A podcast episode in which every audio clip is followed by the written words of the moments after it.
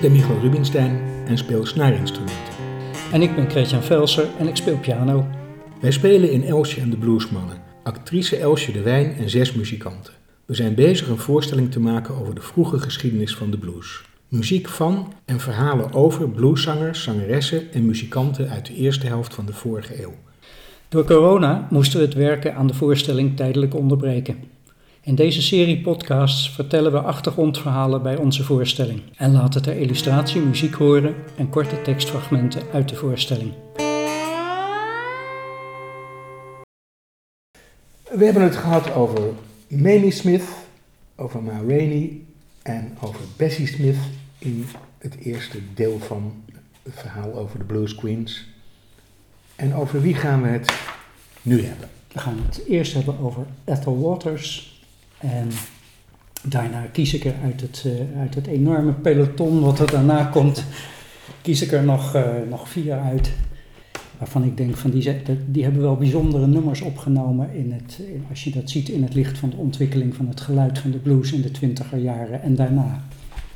En dan sluiten we af met uh, een paar blueszangeressen die echt tot op hele hoge leeftijd zijn blijven spelen. Ja. Maar we beginnen bij Ethel Waters en die, die, die, moeten we toch wel bij na deze grote drie behandelen, omdat ze zichzelf wel zag als de grote uitdagster van Bessie Smith. Sterker nog, ze vond zichzelf eigenlijk ook wel, wel beter dan Bessie Smith. En ze afficheerde zich heel uitdagend als uh, long, lean en lanky. Mhm. Dat in tegenstelling tot uh, Ma Rainey, die ze een beetje plomp vond. Ja, dumpy hè? Ja, ja. En, en, en Bessie Smith, die ze een shouter vond. Mhm. En ze zag zichzelf meer als sweet en classy. Nou, haar, haar, levensgeschiedenis even kort. Ze zingt in vaudeville gezelschappen en ze is dan voornamelijk als danseres. Ze heeft dus bijnaam Sweet Mama Stringbean, een lange slungelige snijboon. En ze heeft een enorme ambitie om, uh, om meer te worden. Op, op 17-jarige leeftijd stuurt zij een, uh, een, brief of een postcard aan W.C. Handy of ze de St. Louis Blues mag opnemen. Die opname die kan, ik, die kan ik nergens meer vinden. In 1921 krijgt ze haar eerste eigen platencontract bij, uh, bij dat Black Swan label wat ik net noemde. En dat uitdagen van, uh, van, van Ma en, en Bessie Smith, dat, uh, ja, daar bestaat ook nog een mooie anekdote over. Namelijk, hebben verteld dat Ma die had zo'n zo'n mooie entree met de Victrola op het podium. Ethel Waters had haar eigen manier bedacht om, uh, om spectaculair op te nemen.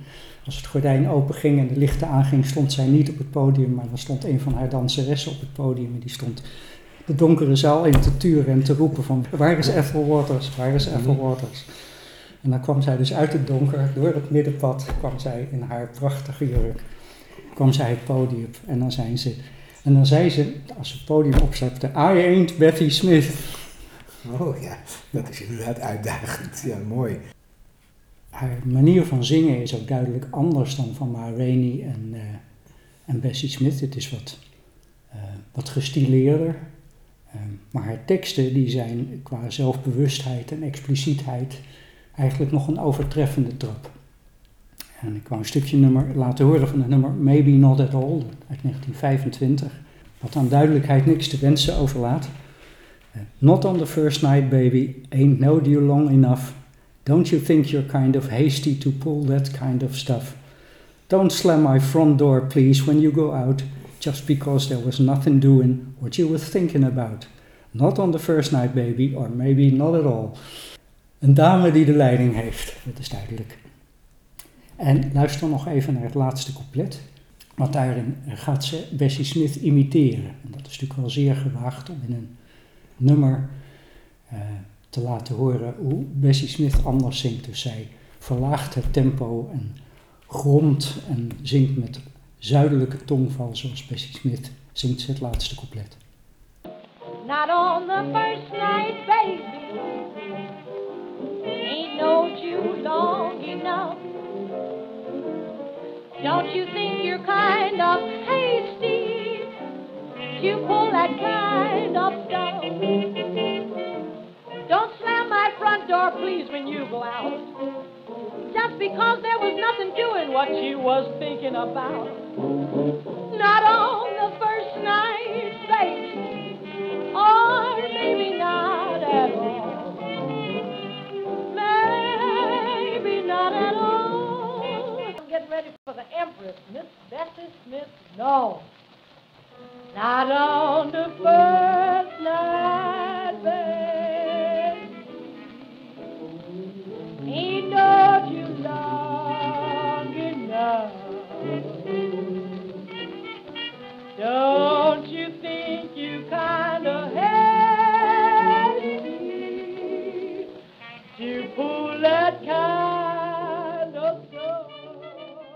Ja, net als alle andere blueszangeressen aan het eind van de twintiger jaren stort, stort de markt in.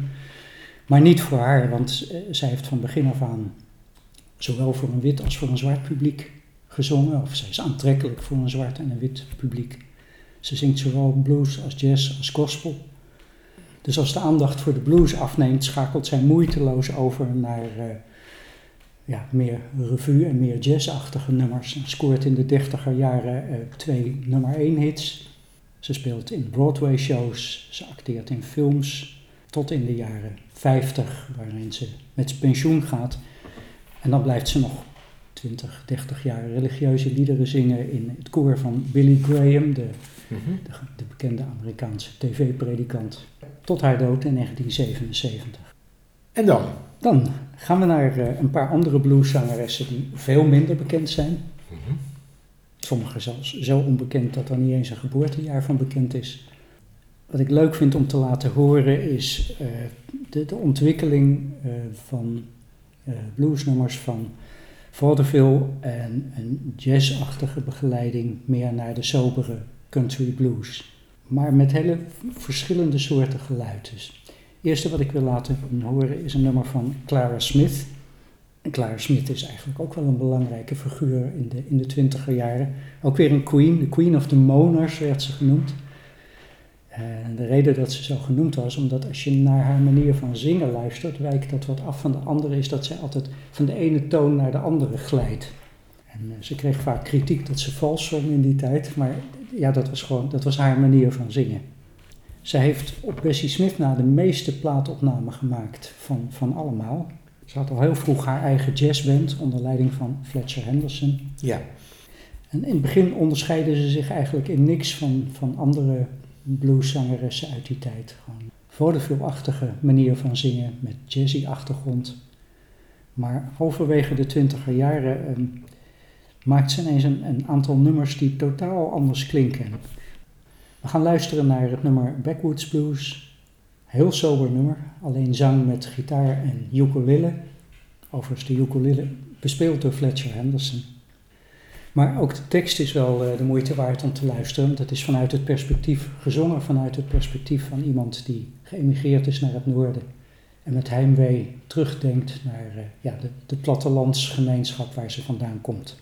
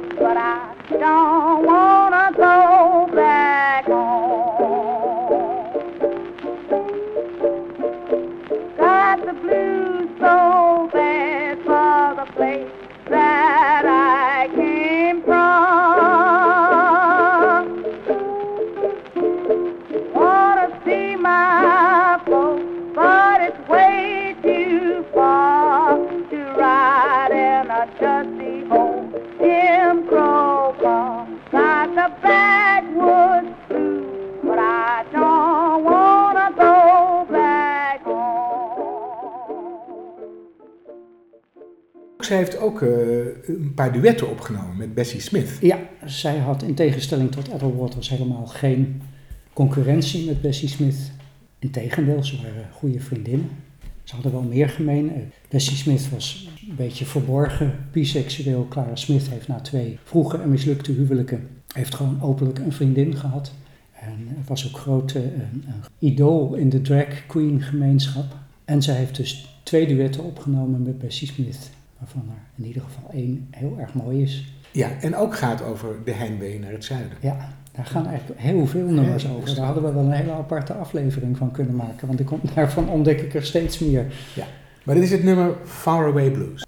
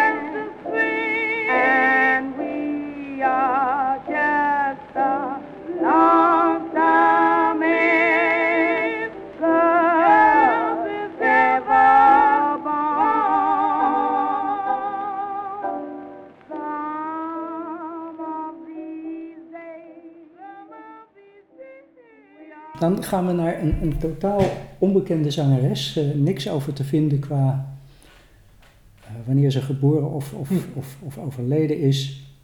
Eh, ik weet alleen dat ze een, een grote, één grote hit heeft gehad. En ze werd op dat nummer begeleid door Bobby Leaken en Bobby Cooksey. Bobby Leaken was een gitarist. Bobby Cooksey was een, een bluesharpspeler. En nog een onbekende banjo-speler. Nou ja, luister maar, wat ik, wat, ik zo bijzonder aan dit nummer vind, is behalve dus ook dat het heel sober begeleid is, is de manier van gitaarspelen van Bobby Leaken op dit nummer. Want het is zo atypisch voor op veel andere bluesnummers waarin ja, er, er slag gespeeld wordt. En hij speelt een soort jazzachtige loopjes er de hele tijd doorheen. En dat in combinatie met een, ja, een, een zangerige mondharmonica, ook weer heel anders dan we tot nu toe gehoord hebben, maakt dit voor mij wel een bijzonder nummer. Het heet Second Handed Blues. Thank you.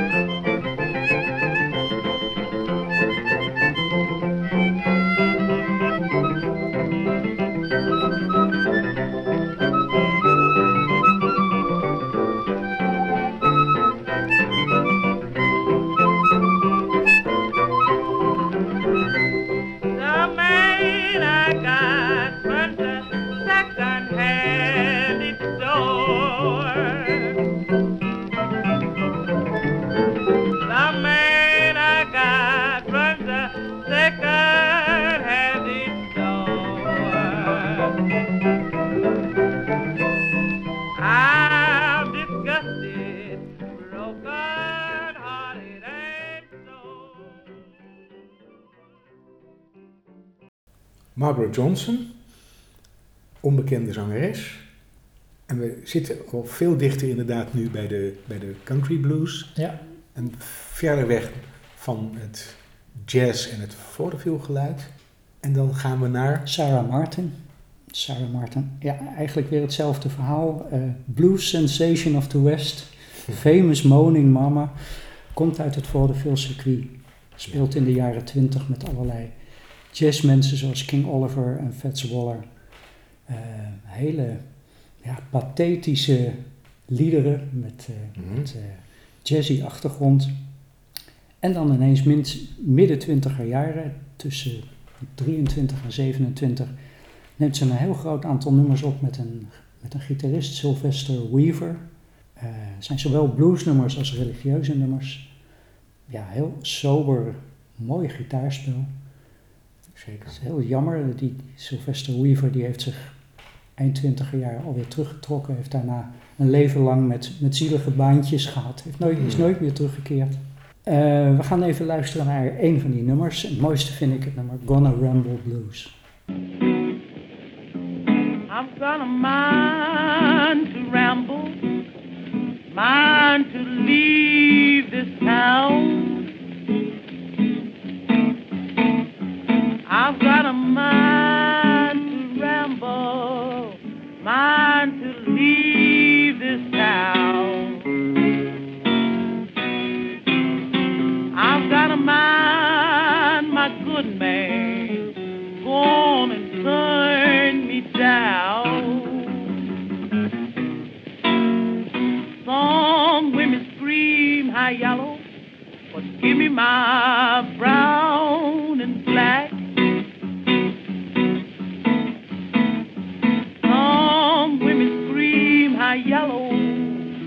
Give me my brown and black.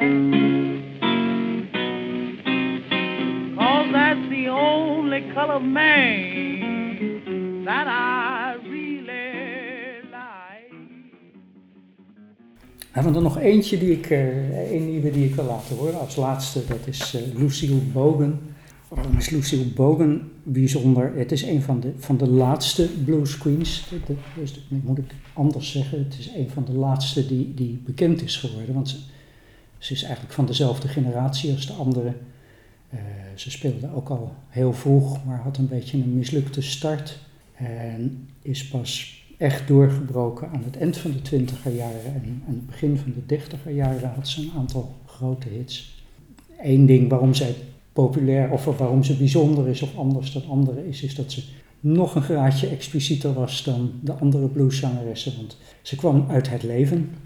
Mhm. Eh, ze was sekswerker, zoals we dat tegenwoordig noemen. En, en ze zong eh, over haar werk. Mhm.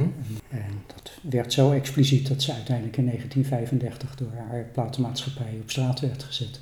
Maar ze maakte ook vanuit dat perspectief heel erg mooie nummers. Dus als je even denkt aan de combina- combinatie prostitutie en de depressie, is eh, een, van de nummers die wij in de voorstelling spelen van haar, het nummer Tricks Ain't Walking. Walking Tricks is, zijn de klanten van een prostituee trippelen. Eh, en in de depressie heb je als prostituee geen klanten meer en ze vraagt zich wanhopig af, waarmee moet ik dan mijn geld verdienen? We gaan luisteren naar, eh, naar onszelf.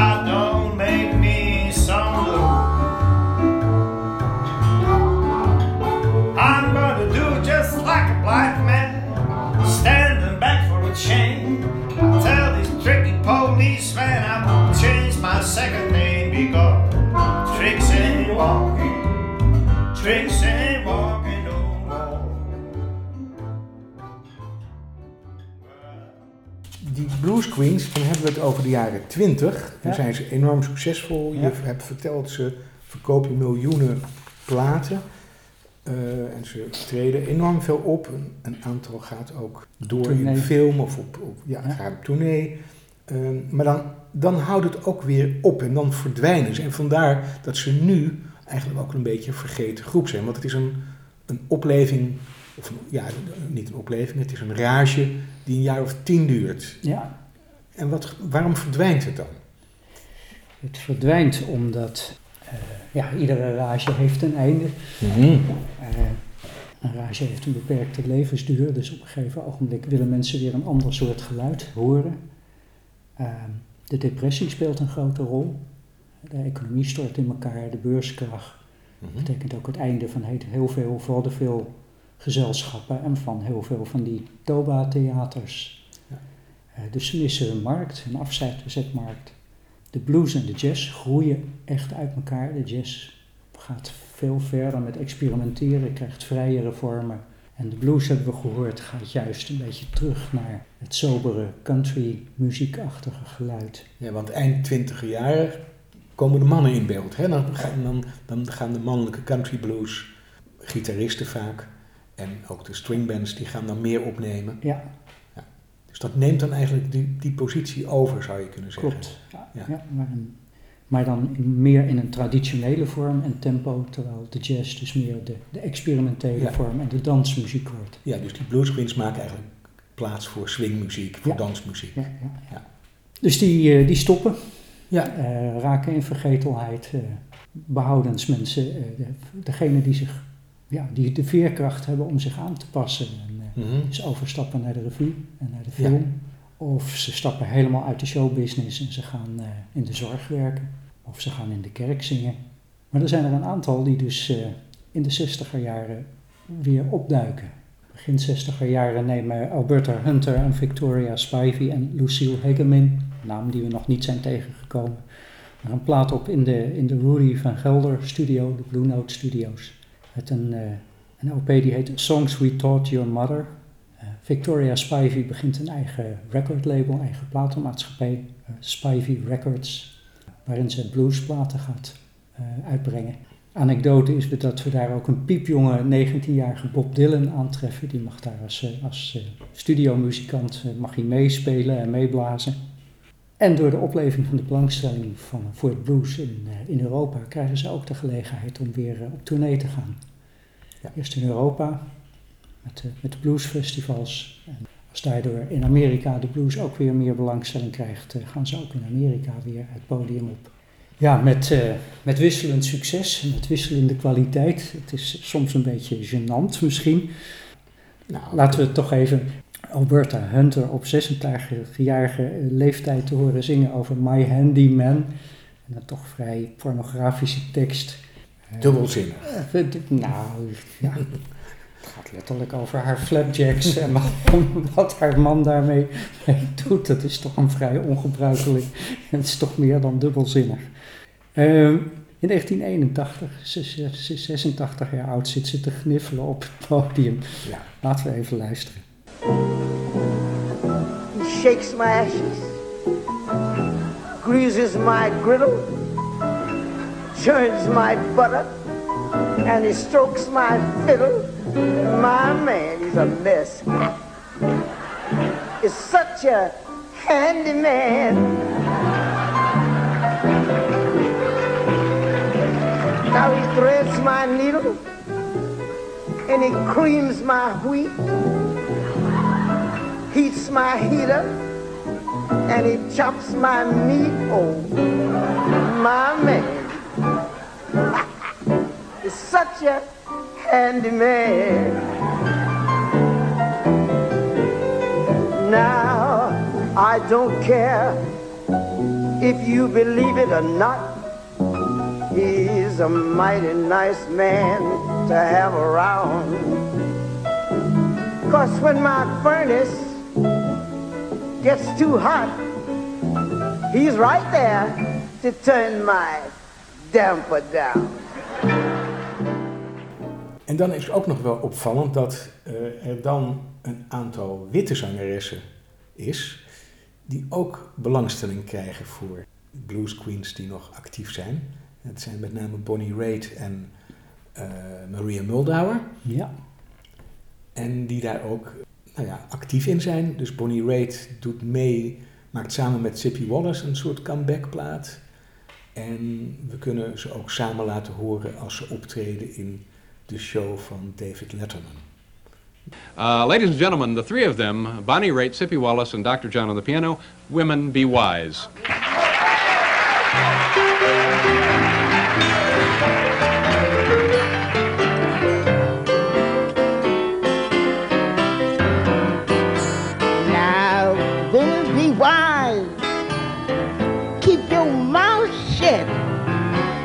Advertise your man.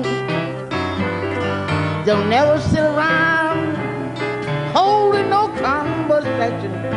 Explain what your good man really can do. Cause these women nowadays, they ain't no good. They laugh in your face, then they try to steal your man from you. Women be wise. Keep your mouth shut. Don't advertise. Don't be a fool. Don't advertise your name. Well, you get your best girlfriend. Might look like a highbrow. She's got to change about three times a day. Tell them bye bye. What do you think While you're so far away. Yes, sir. I believe she's loving your man in your own damn bed. Yes, Think you sir. better call for Nou, ja. de Blues Queens. Ja, je kunt, je- je- toen, ik, toen we hiermee begonnen, had ik hier niet zoveel mee. Maar hoe meer ik erover lees en hoe meer ik er naar luister, hoe, hoe interessanter ik het eigenlijk vind, hoe meer ik er ook in ontdek. Mhm. Eh, en hoe meer ik denk van, goh, het is, het is een onterecht vergeten, vaak vergeten periode uit de blues. Het is de enige periode in de blues waarin vrouwen zo overheersend zijn Ja. geweest. En Want ook- nu heb je eigenlijk maar heel weinig blueszangeressen. Ja, ja klopt. Ja. En, en ook de enige periode waarin blues commercieel zo'n succes is geweest. Ja, Maar als je kijkt van wat er nou, wat, er, wat, wat de erfenis is uit die tijd, mhm.